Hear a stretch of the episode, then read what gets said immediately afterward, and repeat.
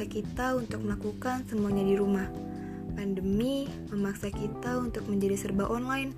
Namun, pandemi juga mengajarkan kita untuk lebih peka dan memperhatikan lingkungan di sekitar kita. Termasuk juga merawat diri sendiri. Tentunya di masa pandemi seperti ini, menjaga kesehatan dan kebersihan diri sendiri sangatlah penting. Apalagi di era new normal yang mengharuskan kita untuk social dan physical distancing. Mencuci tangan menjadi hukuman yang wajib. Dan kali ini saya sudah bersama teman saya akan membahas mengenai apa sih pentingnya mencuci tangan di era new normal. Halo kak, bagaimana kabarnya kak hari ini? Dan apa sih kesibukan kakak hari ini? Halo, Alhamdulillah kabarnya baik masih diberikan kesehatan jiwa maupun raga untuk bisa melakukan aktivitas di tengah pandemi seperti ini. Dan untuk kesibukannya, kami sedang menggalakkan aksi cuci tangan sebagai bentuk peringatan Hari Cuci Tangan Sedunia. Menurut kakak, seberapa pentingnya sih mencuci tangan di era new normal seperti ini?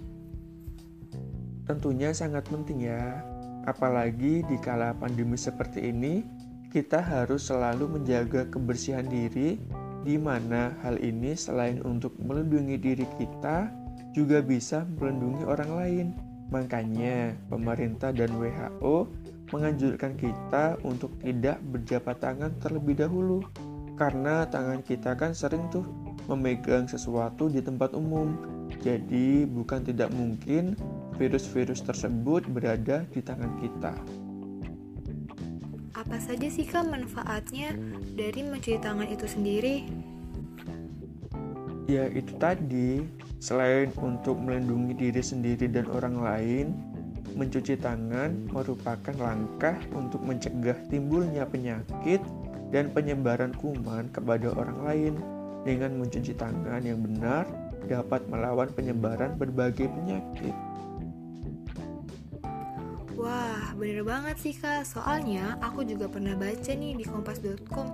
Di sana ada jelasin ada sebuah riset di kalangan anak kelas 6 sekolah dasar di Bandung menunjukkan mencuci tangan dengan baik mengurangi infeksi bakteri E. coli loh kak dan juga menaikkan status gizi pada anak-anak tersebut. Status gizi menjadi lebih baik karena kejadian gangguan saluran cerna dan infeksi saluran nafas jadi lebih jarang terjadi. Lalu ada juga nih salah satu artikel kak yang menyatakan kalau misalnya setelah para dokter giat mencuci tangan, angka kematian pada pasien yang melahirkan di sana turun dari sekitar 13 sampai 18 persen menjadi 2 persen. Wah, ini sebuah penurunan kejadian penyakit yang sangat ajaib ya kak. Nah, itu dia manfaat dan efek dari mencuci tangan. Penting untuk digarisbawahi bahwa frekuensi mencuci tangan hanya satu aspek dari kebersihan tangan.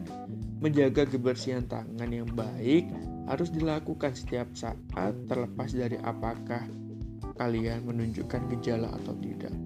Ini akan membantu melindungi diri sendiri dan mencegah penyebaran virus tanpa disadari kepada orang lain di sekitar. Ada nggak sih kak cara atau langkah-langkah yang tepat untuk mencuci tangan dengan baik dan benar? Dilansir dari kompas.com, ada enam cara mencuci tangan yang baik dan benar. Yang pertama, basahi tangan, gosokkan sabun, lalu gosok kedua telapak tangan dengan arah memutar. Yang kedua, usap dan gosok kedua punggung tangan secara bergantian. Yang ketiga, gosok sela-sela jari hingga bersih. Yang keempat, bersihkan ujung jari bergantian dengan posisi mengunci. Yang kelima, gosok dan putar kedua ibu jari secara bergantian. Yang keenam, Letakkan ujung jari ke telapak tangan, gosok perlahan secara bergantian, kemudian bilas dengan air.